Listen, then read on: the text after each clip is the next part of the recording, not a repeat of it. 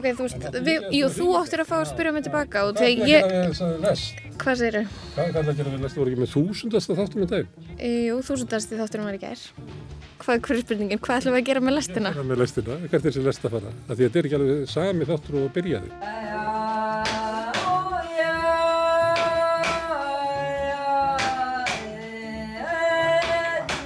Hægt og rólega slekki á líkamannum, ferðast dýbra inn í For You síðuna mína á TikTok og gleymi áhyggjum hversdagslífsins.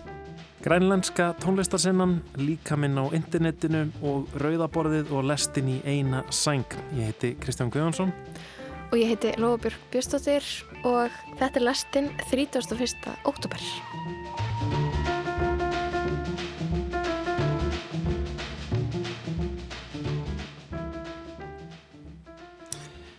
Við ætlum að byrja lestina í dag á pistli frá Katrínu Helgu Ólastóttur, tónlistakoninni Kóla sem heldur áfram að fjallum tónlistarsenur í löndunum í kringum okkur. Hún kynnti okkur um daginn fyrir færisku tónlistarsenni en núna fær hún sig til okkar næstu nágranna grænlendinga. Þetta er sem sagt annar pistill af tveimur um grænlendst tónlistarlíf. Ég ferðaðist til Grænlands í april 2021. Fyrir það hafði ég litla sem enga vittnesku um landið.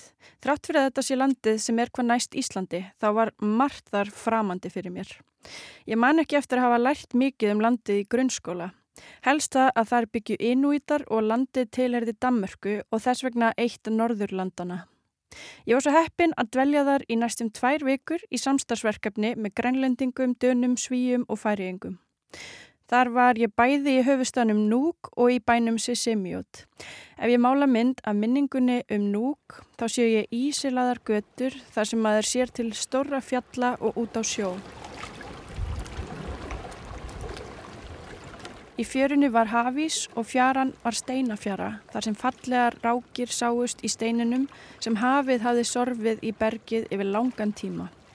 Við höfnina í Núk stendur stitta af Githju hafsins en hún ber nafnið Sedna. Hún stendur þar berbrjósta og umlökin dýrum, fiskum, íspyrni og rostungi. Það eru ekki aðeins litri kvalleg hús heldur líka gráar stórar blokkir sem voru byggðar um meðja síðustu öld þegar fólk átti að flytja úr sveit í borg. Stórar blokkir í ægifægur í náttúru. Engin tré og gangstjættirnar ekki vel skafaðar. Í búðinni var ekki hægt að kaupa 20 lítra gós.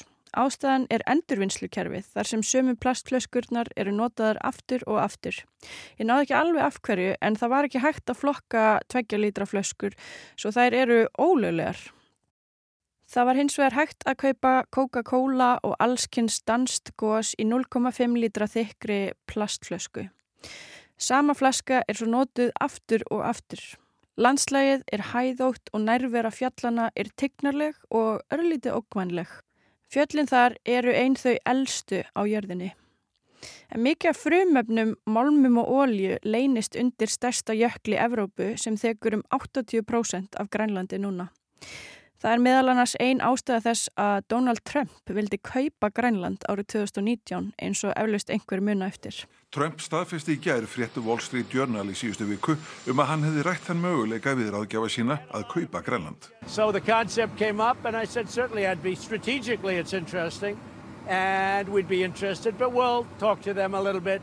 It's not number one on the burner I can tell you. Það var ekki fyrsta skipti sem bandaríkinn hafa haft afskipti af Grænlandi.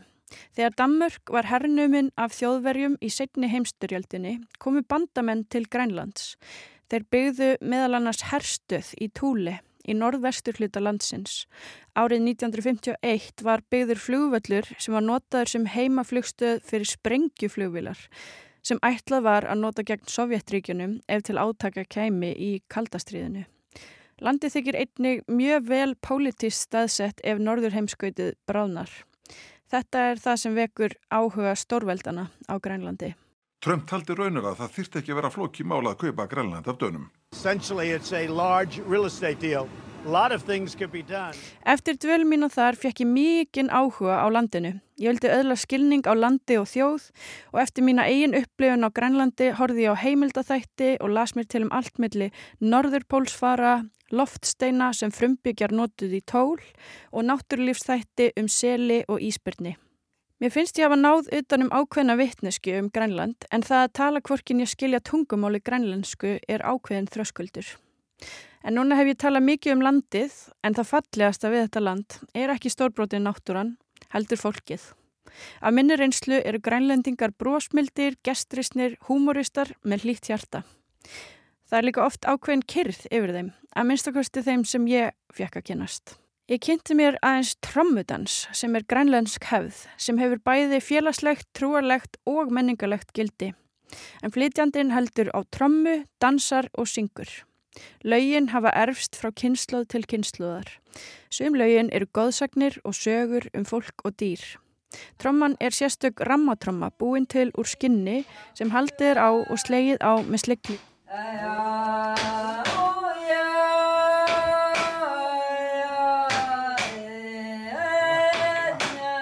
Oft er slegið beint á rammatrommunar. Dansarnir voru fluttir á spiritual ceremonium og til skemmtunar í samkomum, en áður fyrr var hann stundum notaður í öðrum tilgangi. Dansarnir voru notaður sem tól til að vinna úr rifrildum. Óvinnir fengu tækifæri til að segja sína skoðun á hinnum í gegnum söng, en hugmyndin var að gera grín að hinnum fyrir framann aðra. Fyrir mér hljómar þetta smá eins og rap battle eða eins konar rap slagur en tilgangurinn var að hreinsa loftið í rifrildum. Kristnibúðar voru ekki hrifnir af þessu og töldu dansan að vera ókristilega hegðun. En kristnibúðarnir komu fyrst til vestustrandar Grænlands og það er ástæða fyrir því að laugin og dansarnir sem eru enn fluttir koma flestir frá austur og norðustrandinni. Stöðum þar sem hefðin fekk lengur að vera óáreitt.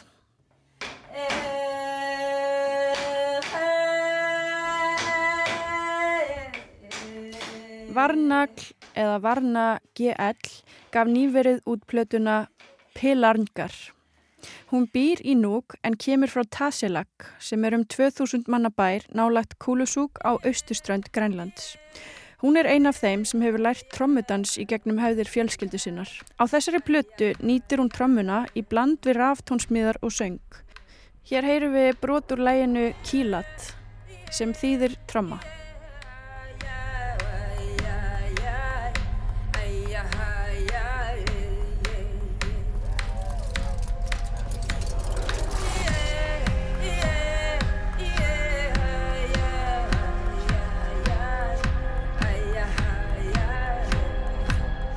Á þessari plötu sem er pródúseruð af íslensku tónlistakoninni Sölku Valls syngur Varna Gjell eða Varnagl á grænlensku og nýtir fornar grænlenskar hefðir í bland við nútíma raftónsmíðar og myrt rafpop. Í læginu Anna eða Móðir má heyra íslensku í bland við grænlensku og það er mikil tilfinning í söngnum. Í síðasta pistli talaði ég aðeins um að danska ríki hefði látið setja getnavarnalikkjur í um 5.000 grænlenskar stúlkur og konur á sjönda áratögnum. Markmið danskra stjórnvalda var að hæja á fólksfjölgun á Grænlandi. En ég efast ekki um að þetta lag vísi beint í það. Báru tilætlaðan árangur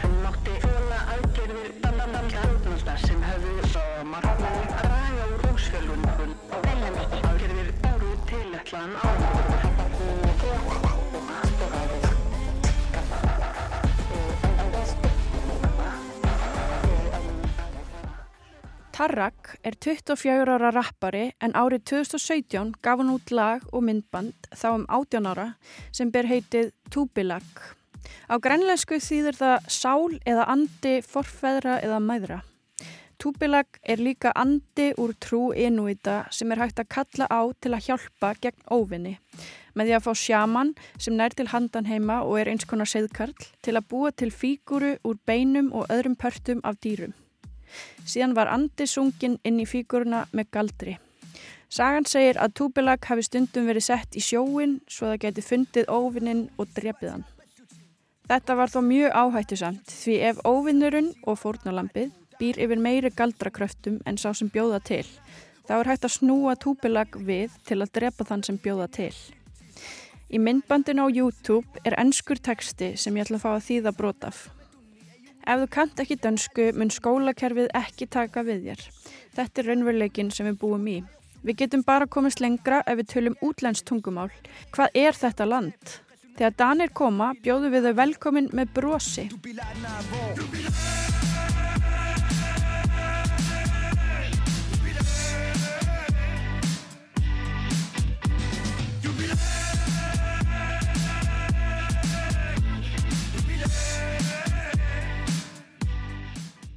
Þau segja grænlenskum heimilislausum manni að deyja og það næst er spiluð upptaka frá alvöru neyðarsýmtali þar sem sá sem ringir í neyðarnúmerið segir Það er fullu maður sofandi hann á jörðinni og manneskjan á hinum endanum spyr uh, já, hvað er hann, Dani eða grænlendingur?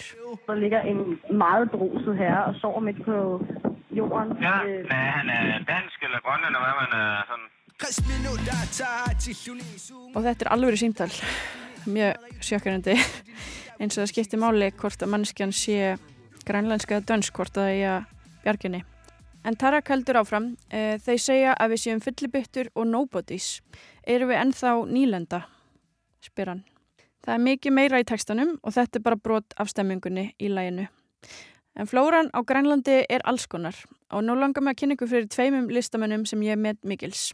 Næja P. er aðeins 21 árs gömul og gaf út epjuplötuna Nasungu Sunga í fyrra. Hér heyrum við lag samnefnt plötunni.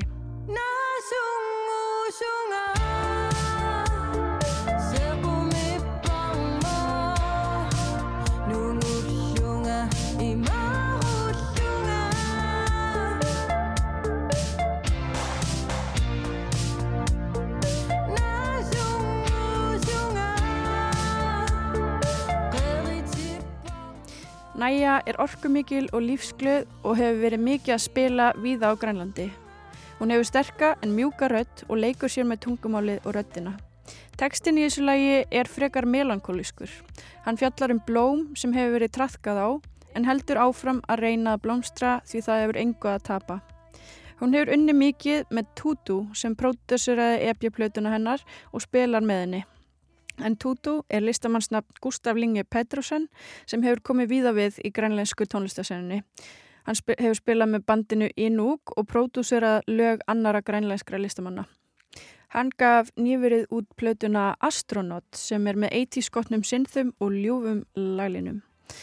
En við endum á læginu Ulorisat af þeirri plötu og það fjallar um að búa út í geim handan stjarnana, handan tilgangslaus suðs og skarkala sem kemur frá sömu fólki. Ég hvet fólk til að kynna sér allt þetta listafólk betur og helst fleiri grænleiska listamenn. Hér hefur við aðeins náða að skoða topp ísjagans af tónlistaflórunni. En ég vil líka bæta við eldsnögt í endan að Andatjan, grænleiskur raftónlistamæður, kemur fram á tónlistarháttíðinni Iceland Airwaves nú á næstu dögum. En endum á læginu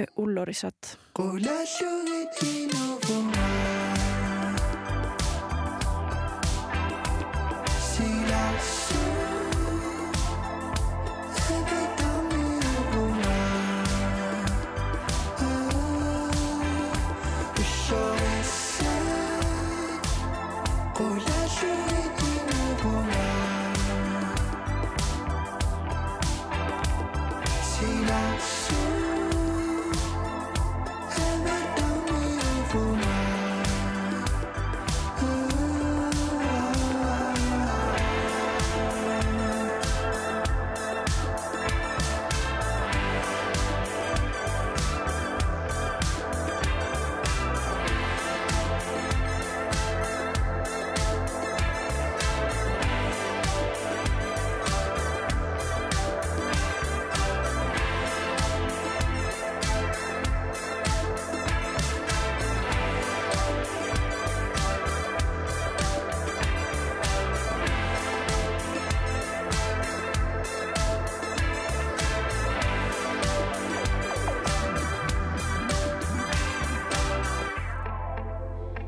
Þetta var Katrín Helga Ólastóttir, hún flutt okkur pistil um Grænland og grænlensku tónlistarsennuna. En næst ætlum við að kíkja í heimsókn í Bólholt 6. Ég meldi mér móti við Gunnar Smára Egilson sem að reykur fjölmiðlinn samstöðuna og heldur úti rauðaborðinu og fleiri þáttum þar. Um, mér langaði að taka viðtal og Gunnar Smára, hann hafði ekki tíma til þess að tala við mig nema að hann gæti nota það líka í þáttinn sinn rauðaborðið Þannig að í fyrsta skipti allavega í sögu lestarinnar, svo ég viti til, þá saminast lestin öðrum þætti. Þetta er lestin og rauðaborðið. Kaffi? Já, takk. Það er til. Takk. Nú, Þetta er flott. þetta er mjög mikið. Við langar í mjög mikið í kaffi, ekki Já, já, ég hef aldrei stæðst að falla. Þetta er með kveikt á mikrofónum. Já, Það er svona, ég byrjaði að taka upp. þetta er nýja útvarpið. Taka upp svona áður en að þetta er upp. Já. Bara eigið allt. Allt sem gerist.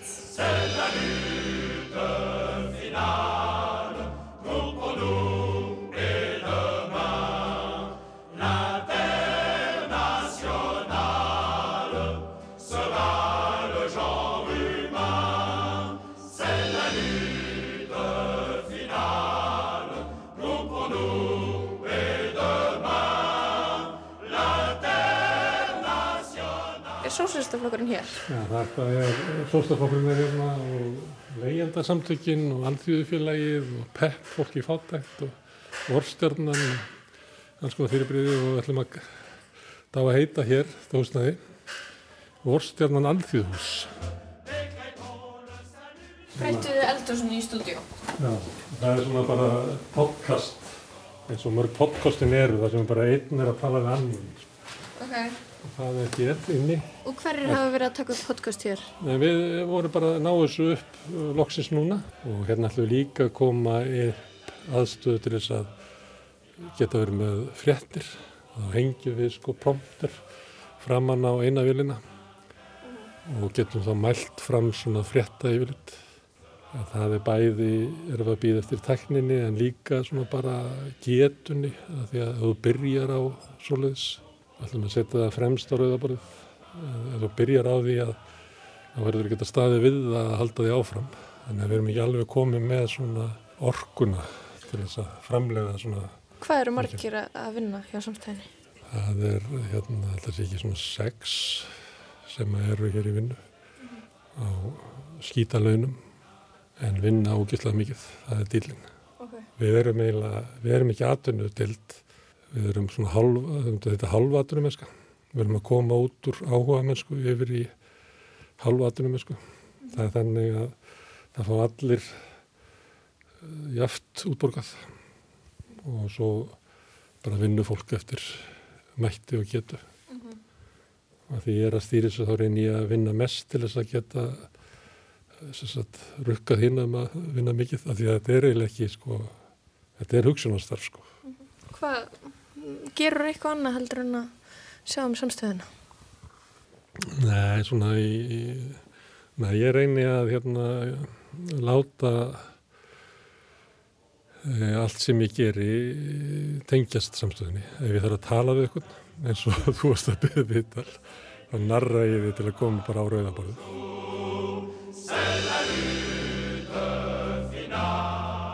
Ertu búin að bóka þátt dagsins? Ekki alveg, það við skiljum alltaf eftir svona möguleika á að, að bæta í. Nú, og, Það er alltaf þannig að, að sá vinnur, og horfir á 100 metrar hlup, það vinnur þessi sem að skuttla sér fram í lokin. Þannig að það er aldrei alveg búið sko. Og ef að, ef að þú selur þér að það sé hægt, og hef sem þú lendið því, bara undirbúið rosa vel, allt tilbúið, óvinni snemma, að þá einhvern veginn fyrir eitthvað úrskeiðis eða, eða Já, bara það verður ekki skemmtilegt sko. Er það ekki að skemmtilegt. bregðast Það er alltaf að vera eitthvað svona spenna í fjölmunum, svona smá. Ef maður, þetta er ekki eins og að framleiða eitthvað svona vöru eða bók eða það er sko svona reyfingin í þessu er svo mikið atriði sko. já, ok. Uh, hér er ég komin, loksins, í fyrsta Og ég veit skipti. ekki hvað þú vilt sýta, vananlega er gesturinn hann undir fíkjutrinu. Ég þarf, ég þarf eiginlega að setja nær þér, ef það er í lagi. Já, hérna í lokinu á rauðaborðinu ætlum við að hafa viðtal sem er eiginlega tvöfald viðtal. Þannig er að Lóa Björk Björnsdóttir sem er með lestina á hús 1 vildi koma hingað og fræðast um samstöðuna og spjalla við mig en það er bara svo mikið að gera hjá okkur að ég spurði hvort hún vildi ekki bara koma og taka viðtalið hérna við rauðaborðið og við getum þá nota það sem efni í þáttin líka. Og þú félst að þetta Lofabjörg? Jú, já, ég, sko, ég var búin að hugsa þetta. Ég hef hugsað áður að, þarna, að ég ætti að koma til þín og reyna að taka viðtal við þig í rauðaborðinu eða eitthvað en taka það upp hvernig það er að mæti rauðaborðið sko. en ég líka, þú veist mér finnst það líka einhvern veginn svolítið svona lýsandi fyrir það eil, sko, eila ástæðan fyrir ég vildi koma að tala við þig er bara að það er svo ótrúlega mikil framlegslega hérna þú veist, það er svo mikið efni sem þú byrð til að, þessu, að, að við látum engan hérna, tíma ónótaðan þannig að ef að allt sem er mögulegt að, að draga hingað rauðaborðinu, það gerir við. Hvað, hvað þarfst það að fylla marga klukkutíma af efni á dag? Ég er náttúrulega ekki einn í þessu en við erum með marga þetta og svona markmið okkar núna með að við erum í útvarpi eftir að fórum í útvarpið að, að við þurfum að framlega svona þrjá tíma á dag Og ég held fyrst að já, já, það er bara eins og bítið, þú veist að ég byrja þeir ekki hérna eitthvað tíma fyrir sjö og eru til tíu eða eitthvað svona cirka, það er ekki svona þrjí tímar. Svo, þannig að við fórum og framlutum bara þrjá tíma dag. Svo fór ég að skoða þetta að, að sko nett og viðtölunum á þeim eru bara klukkutíma á dag, hitt er bara músik og auglýsingar og eitthvað svona. Og frettir voru. Já, þannig að við, við föttum ekki hvað við vorum að gera þegar við settum markið á þrjá tíma. Um, og þetta viðtal, það fer... Um, við erum að taka þetta upp í vídeo uh, Sendum út á já. Facebook Hvar, Hvert fyrir þetta fyrst? Þetta fer á Facebook og YouTube og sem, sem semst videopodcast eða eitthvað, getur við kallað og við, send, við streymum því þar svo fer þetta inn í podcast og svo getur bæði valið að fylgjast með samstöðinni þá fyrir alla þættina sem er samstöðinni eða rauðaborðinu, þá fyrir bara rauðaborðinu eða hvort ekki og svo fer þetta í útvarp 89.1 á höfbruksæðinu og það er líka þetta nálgast að í spílaranum sem er bæði app og, og hérna app og, og bara á netinu spilari.is, þar getur við fundið samstöður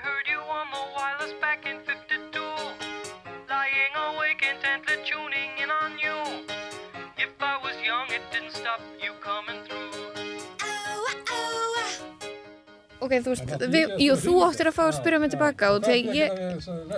Hvað segir þau? Hvað er það að gera við lest? Þú voru ekki með þúsundasta þáttunum í dag? Jú, þúsundasti þáttunum var í gær. Og hvað, hvað er hverju spurningin? Hvað ætlum við að gera með lestina? Hvað með lestina? Hvert er þessi lest að fara? Að þetta er ekki alveg sami þáttur og byrjaði. Ég man, var ekki Eiríkur sem byrjaði með hann? Jú, Eiríkur Guðmundsson byrjaði með hann á samt önnugiðu, Sigurgísladóttur, svo tóku við Kristján Guðjónsson og Anna Marsabill Klásen. Kristján er ennþá. Og já, ég er hérna með honum og ég held að hann breytist bara þegar þáttastjórnendur breytast. Já, ég man eftir fyrst að þá var maður veltað fyrir hvað það væri og hljómaði svona eins og það væri kannski svona menningin fyrir utan sko, hérna þá menningu sem að Víðsjá vil hafa, meira svona netinu, meiri dægur menning, meira svona pop og eitthvað svona, svona menningaþáttur, mér finnst þetta að verða alltaf meira og meiri svona samfélagsþáttur, ekki síst með, því, með þér og, og Kristjáni líka, þeir eru bæðið með mikið áhuga á samfélagsmálum. Já, einmitt, en svo er líka, er ekki svolítið erft stundum að greina á milli, sko, hvað þarna samfélagsmála og menningar já, og þegar listamenn eru líka fjalla um samfélagsmál og já, þetta mér finnst það bara alltaf að vera tengt, ekkert neginn. Já, það er, þér finnst það, það er ekki alltaf í umfjöldunni. Segjum til dæmis bara, við fjöldum hérna stundum um bækur og mér finnst við að gera það öðruvísi heldur en þetta væri bókmyndaþáttur.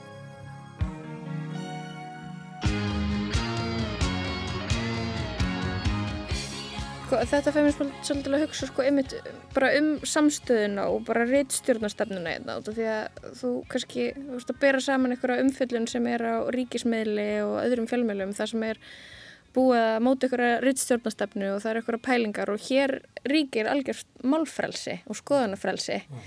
uh, þú veist, og maður veltiði fyrir sér veist, það, það er með þetta ákvörðun Er ekki málfrelsi á rúf?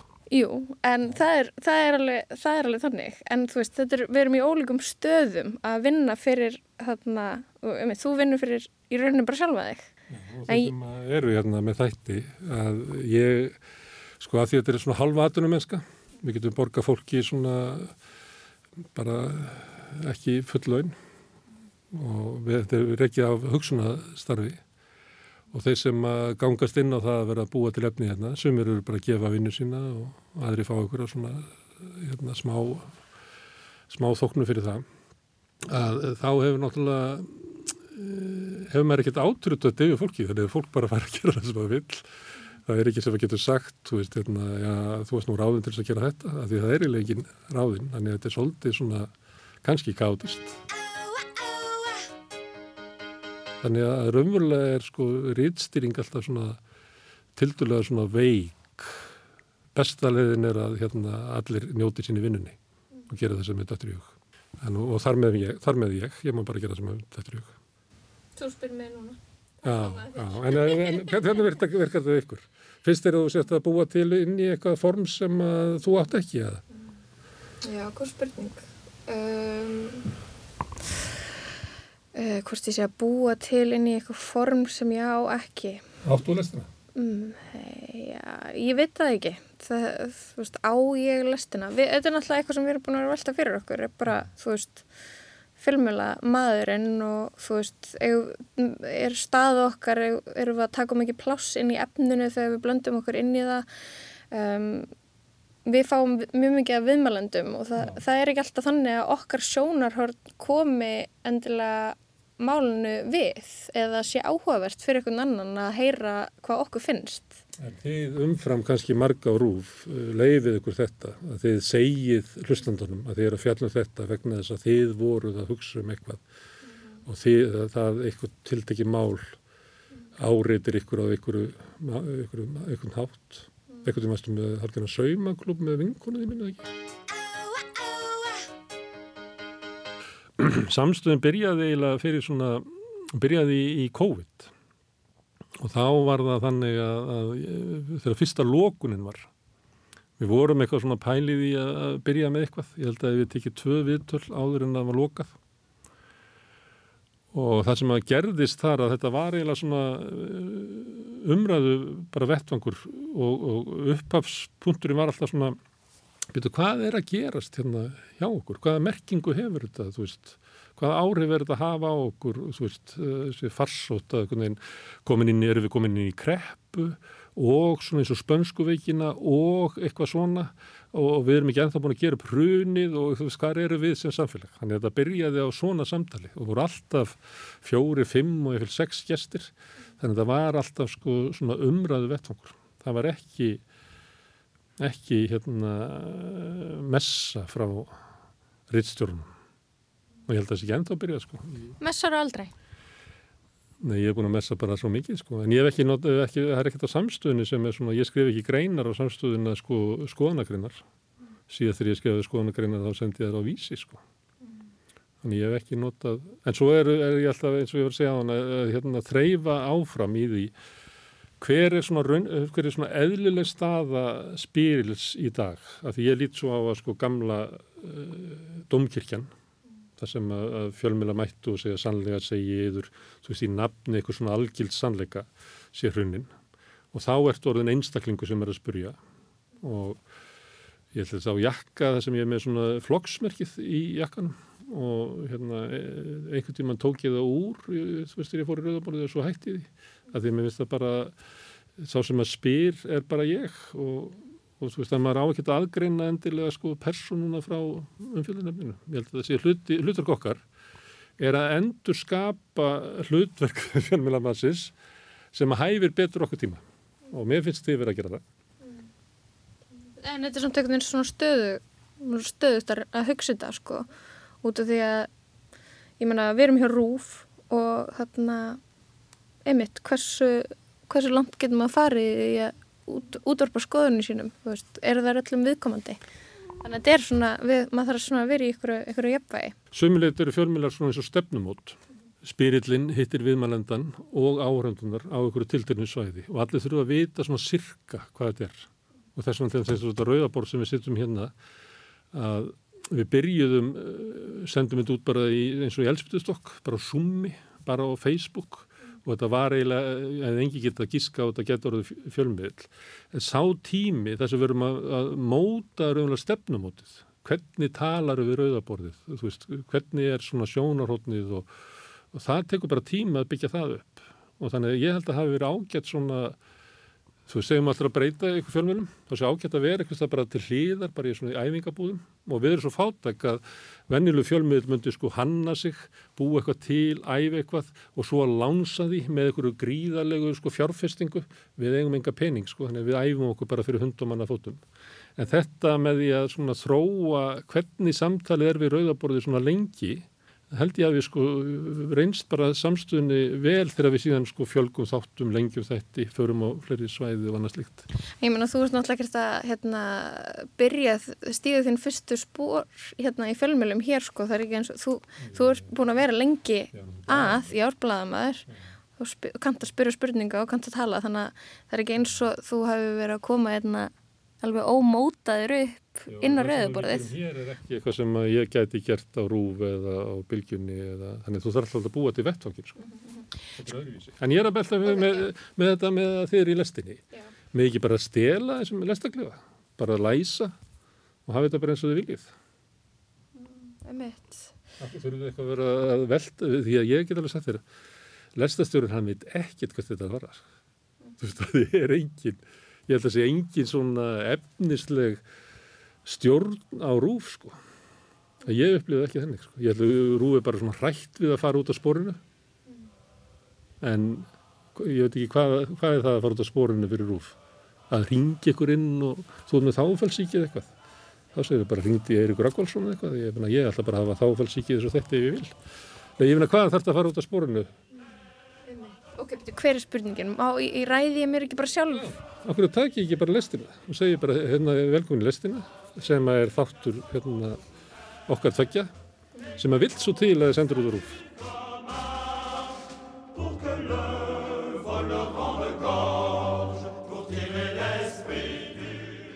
Ég held að við veitum bara ekki þegar við erum áða á þessu. Já, ég... Það er alveg sem stýraður rúf er alveg að passa að það kom ekki eitthvað vesena Já, ég held ekki, ég held að það sé ekki endilega þannig, sko. Ég, hérna... Hefur þú fengið rós svona frá yfirstöndinni? Um, útarsráði hindi? Útarsráði? Ég finn ekki neitt fyrir útarsráði, allavega sjálf. Það er allavega ekki fundur. Ég hef verið á, á fjölmunum, það sem er svona, herðu, komið hérna saman og hérna, þú veist, hvað, hvað er að gerast í samfélaginu? Hmm. Hvernig ætlum við að fjallum þetta samfélag sem við erum í? Ég held að það sé ekki svona fundur á rúf, sko.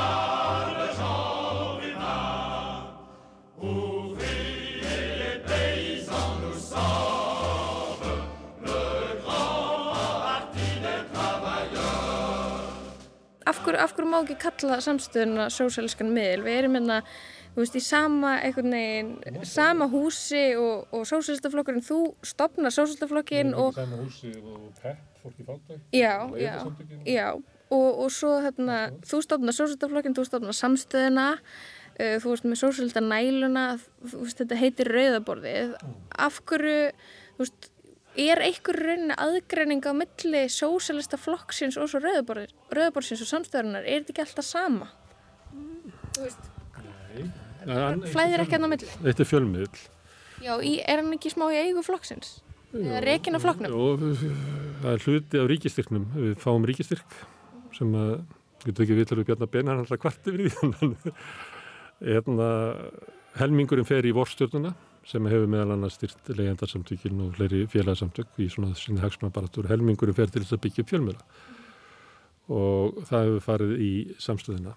En samstöðin er náttúrulega ekki flokkur, samstöðin er fjölmiðl. Alveg eins og... En er ekki sama fólk á báðum stöðum? Þú ert svo, mannstu, þú mannst ekki eftir flokksblöðunum með það?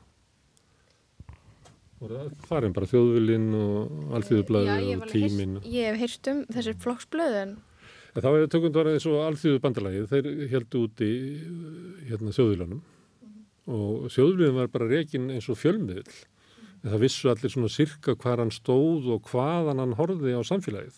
Og hann horfiði á samfélagið kannski frá svipuðum stað og alþjóðu bandalagið og hafði þar alveg áhuga á fátakara fólki sem mokkinaði engan áhuga á og, og þú veist, hafði áhuga á leikskólamálum og kvennréttindum og, og, og var ekki stuðningsmaður hérna bandaríkja hersi í, Vietnám og alls konar svona hafði svona sambarlegar afstöðu, lífsafstöðu og, og félagar í alþjóðbandalæginu en þjóðviljin var ekki alþjóðbandalægið eða öfut, þetta er bara þetta er bara sikkur hluturinn. Eins og við hérna stiðjum uh, leyendasamtökin en flokkurinn er ekki leyendasamtökin því að það er bara eðlilegt að leyendur séu í sinni barótt í leyendasamtökunum og svo hérna búum við til hérna, fjölmil sem að lítur bara, svo leiðilegt að segja þetta í einn lögmálum, það hljómar eitthvað svartalega. En af hverju má þó ekki kalla hann sósilskan fjölmil?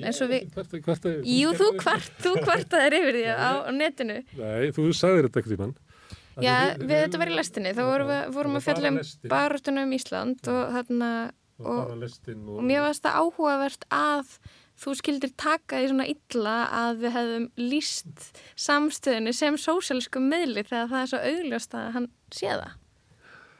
Sko ég tók því ekki illa, okay. Nei, en ég tók eftir þessu yeah. og ég skrifaði eitthvað á Facebook að, að samstöðin hefur verið kallaður sósjálfsku meðl yeah. en hins vegar ef að morgumblæði væri nefnt þá verði það ekki kallað síð nýfrjálfsvíkjulegur auðvaldsmiðl eða eitthvað kapitlískur miðl Þannig að við fengum sko merkinguna, þannig að það sem að ég var ekki að kvarta yfir að við fengjum hana, ég er að kvarta yfir því að fyrirbriðins og morgumbladið og viðskiptabladið sem að reka sko stífan, harðan áróður í stjættabarátunni, við erum í stjættabarátu fyrir hönd hinn að fátakku og láluna fólks, en þeir sem eru í, í stjættabarátunni fyrir hönd hinn að ríku og öflugu, að þeir eru bara nefndir sem bara venjulegu fjölmjölar, og meðan við þurfum að fá einhverja svona erðnamerkingu.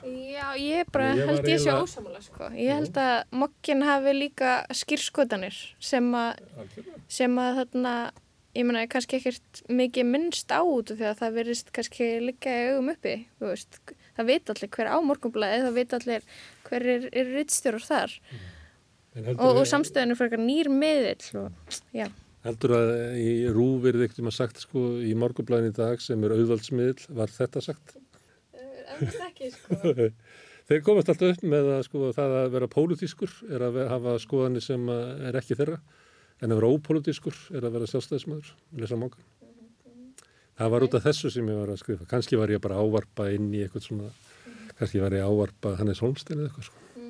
En ég skrifa á margt sko og margt í hálkjæringi og sem að hendar ekki á Facebook sko. Stundum er að vera kaltæðin eða fyndin og sem er ekkit sniðt sko en það er hlutið af bladamennskunum, ég finnst alltaf að maður verið að passa sig þegar maður er bladamæður að, að viðhaldaði hafa alls konar tón. Maður á ekki alltaf að vera sko íbyggin og ígrundaður heldur maður líka vera kærulus kjánalegur.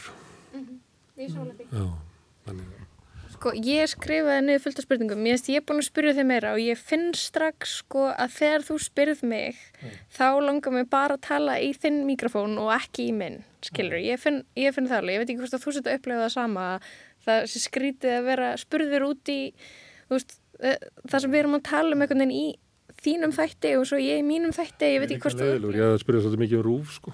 Já, en, en okkur er þetta í fjölmjölum? Okkur er þetta í fjölmjölum?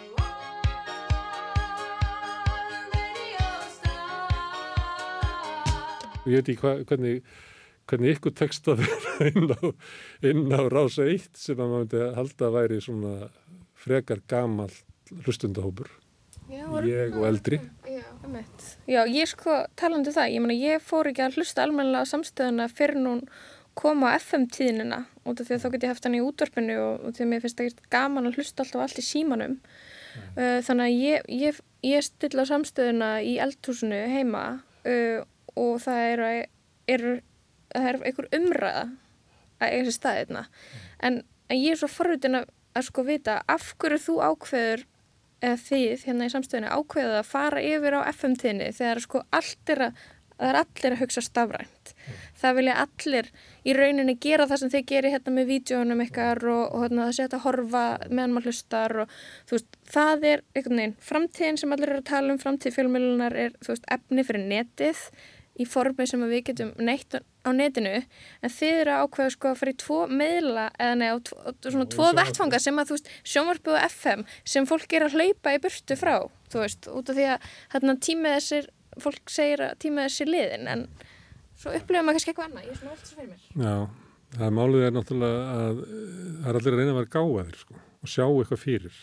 En það er ekki klútt, það er ekki að gáðir. Þess vegna eru við eiginlega að vera með hérna, Pál Postula, reynið allt og haldið þessi gottir. Við erum búin til svona efni og raunverulega er efni bara þetta samtal hér. Svo sendum við út á Facebook og YouTube og í útvarp og í podcast og í sjónvarp skiptir okkur einhver máli í sjálfsveitsir sko. Við erum ekki að veðja á þróun fjölmjölunar og ég held að sko út um allan heim þá að því að fjölmjölandir eru bara að rinja og eru hundir og við erum bara í runinu þeirra að, að ætla einhvern veginn að leysa gátunum það hverju lausnin af fjölmjölunum ég bara getið ekki huga að reyna það eins og sko. því að þú veist að það er allir út um allan heim að reyna að lista. Og það er engin nálat lausninni þú veist, maður sér það ekki. Auðvitað er þannig að það eru orðið til eins og í podcasti þú veist það eru opnað svona einhverja gáttir.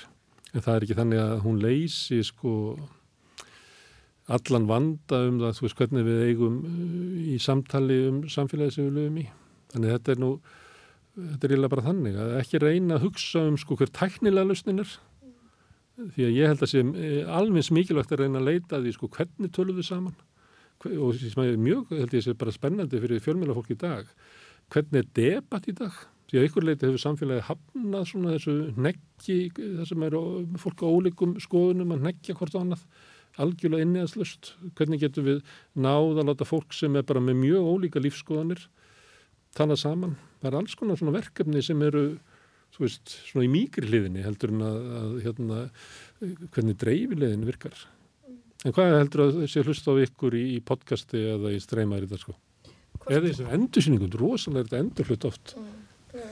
Fem. Og hver er að hlusta? Hver er að hlusta? Góð spurning. Uh, ég veit það ekki alveg sko. Ég hef ekki alveg nógu góða tilfinningu fyrir því. Hver hlustar sko. En hérna meðal aldur hlustandar ásara eitt er hár. Það er alveg þannig. Ég er hlustandar ásara eitt.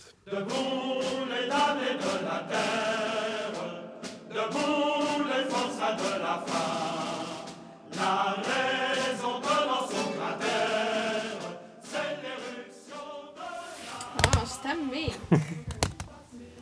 Hvað vorum við lang? Næsti hálftími. Já Ég held að voru meirinn hálftími. Já. Gunnar Smári, takk fyrir spjallið í dag. Kæra þakki fyrir komina Kondur svo óttast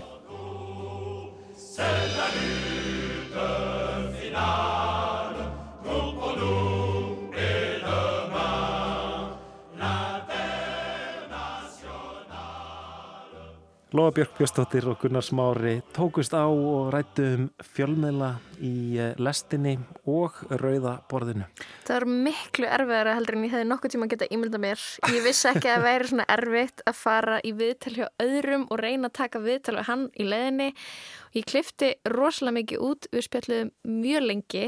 Það er hægt að hlusta á allt spjalluð okkar Gunnar Smára í rauðaborðinu einhvern tíman á eftir. Okay. Spennandi, eh, við leggjum við hlustir eh, á samstöðinni en við ætlum núna að kynna til leiks nýjan pislahund hérna í lestinni. Sigriður Þóra Flýring er 24 ára grafiskur hönnuður og um, hún er ekki bara með hugan við internetið þessa dagana heldur líka líkamann. Í fyrsta pisli sínum í lestinni veldur hún fyrir sér hvað verður um líkamann þegar við förum á netið. Hans brittbrúsar í yngöngum verslana eru flestir tómir. Flugferðir nánast grímulausar, samstarfsfélagar helsast aftur með handabandi og fólk hóstar í strætó, þó eflaust meðvitaðra en áður um hugsanir samfarþega. Það er óhætt að segja að ýmsar breytingar hafi átt sér stað í samfélaginu við upphaf heimsfaraldursins. Þó að flestar þeirra hafi gengið tilbaka eftir afléttingu samkominntakmarkana er að minnskosti eitt faraldusfyrirbæri sem hefur gjörbreytt því hvernig við sem samfélag hugsum um tíma okkar og líkamlega tilveru. Við þurfum ekki lengur að hafa áhyggjur af því að missa fundi vegna vonsku veðurs. Við getum lengt sömafríð og Teneríf um nokkra daga og setja í tölvuna á sundlega bakkanum eða jafnvel sendt spjaltölvu í skólan í stað lasna líkamanns. Orðið fjárvinna er mikilvægt hugtak í atvinnutilbúðum og nú er svefnherbergið líka skrifstofan. Það eru þó ekki allir sammála um hendugleika fjárvinnu en það getur hún valdið samskipta örðugleikum og miskilningi og þar með haft slæm áhrif á félagsleg tengsl millir samstarfsfélaga. En einn vingill sem hefur oft glemst í umræðinni er hvernig þessi möguleiki breytir tilfinning okkar gagvart líkamannum. Hvað þýðir það að það sé að skipta út líkamlegri viðveru okkar fyrir skjái?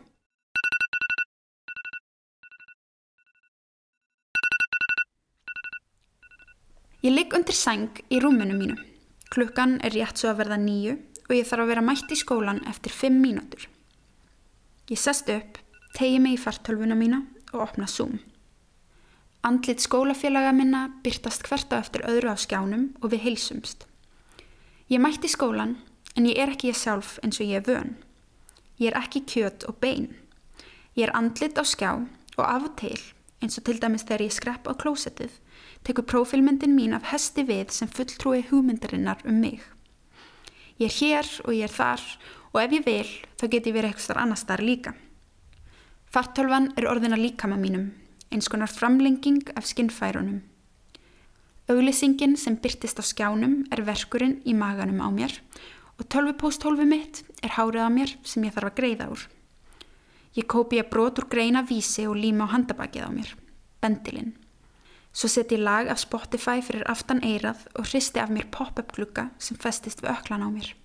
Augunum mínum, eirunum, nefinu, tungunni og húðinni hefur verið skipt út fyrir önnur stafræn skinnfæri.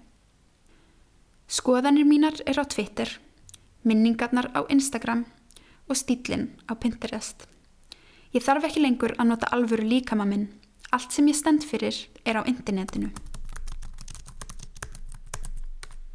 Líkami minn hefur í raun engan tilgang eða hlutverk á netinu fyrir utan að vera eitthvað svona framsetning af mér á myndum og myndböndum.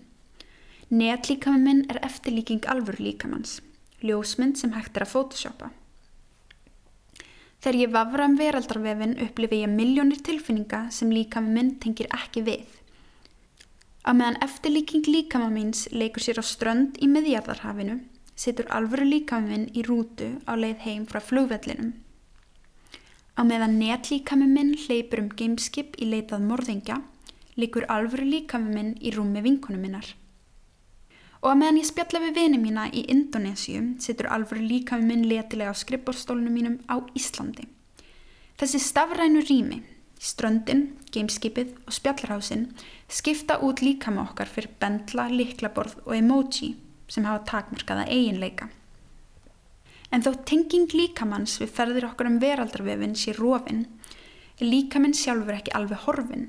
Meðvitund okkar færist heldur ekki úr líkamannum og inn í tölvuna þó það virðist oft þannig.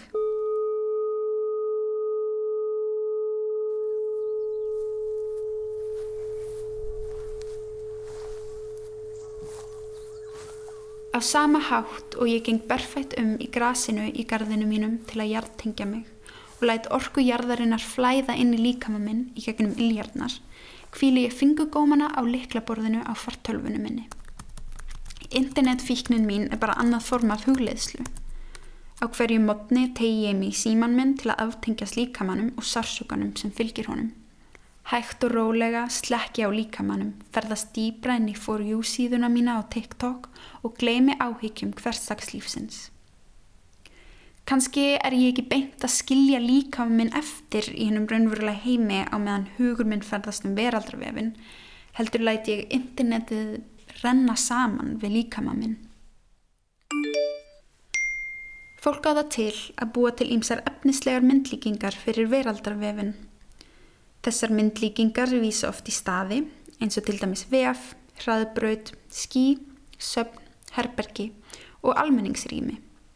Í fyrirlestri sínum The Body in the Virtual World árið 1994 heldur heimsbyggingurinn Sadie Plant því fram að þessi tilneying til að gera internetið að myndlíkingu sé raun tilraun til að komast í burtu frá líkamannum.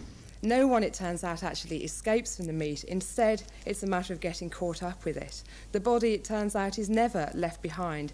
Instead, it's the body itself which begins to learn how to disentangle itself from all Oedipalized constraints. burt frá kjötinu, beinunum, inniblunum og takmörgum líkamanns sem mannfólk hefur frá upphafi reynd að flýja. Meðal annars með notkun eiturlifja, hugleðslu, trúarbröðum og sjónvarpsáhorfi. Hún trúir því þó að þrátt fyrir uppfinningu internetsins sem mannfólk ekki nær því að flýja líkamann en áður. Already we can see this in all the sort of cultural fallout from um, cyberspace and, and VR, drugs, cybersex, prosthetics, bondage, data suits. Það virðist oft eins og að á internetinu vinni hugurinn alla vinnuna. Hann skinjar og vinnur úr þeim upplýsingum sem byrtast á skjánum. En það er kannski rangt að tala um huga og líkama sem tvö ótengt fyrirbæri. Hefur líkamann ekki áhrif á hugan og öfugt þegar allt kemur til alls? Og ef internetið er ekki staður, hvað er það þá? Verkfæri, tímabundin líkami, framlenging skinnfæri okkar eða framlenging heilans. Kanski getur framtíðin varpað ljósi á svarið. Mögulega munum við ná að flýja líkamann og meðvitund okkar allra verður hlaðið upp á tölvu líkt á karakter Johnny Stepp í kveikmyndinni Transcendence. Eða kannski mun internetið saminast líkamannum og við munum öll ganga um með Neuralink í grættar gerfigreindar örflögur Elons Musk. Eða kannski mun ekkert breytast. Við munum halda áfram að hlaða upp personuleika okkar á samfélagsmiðla og ganga um með internetið í vasanum.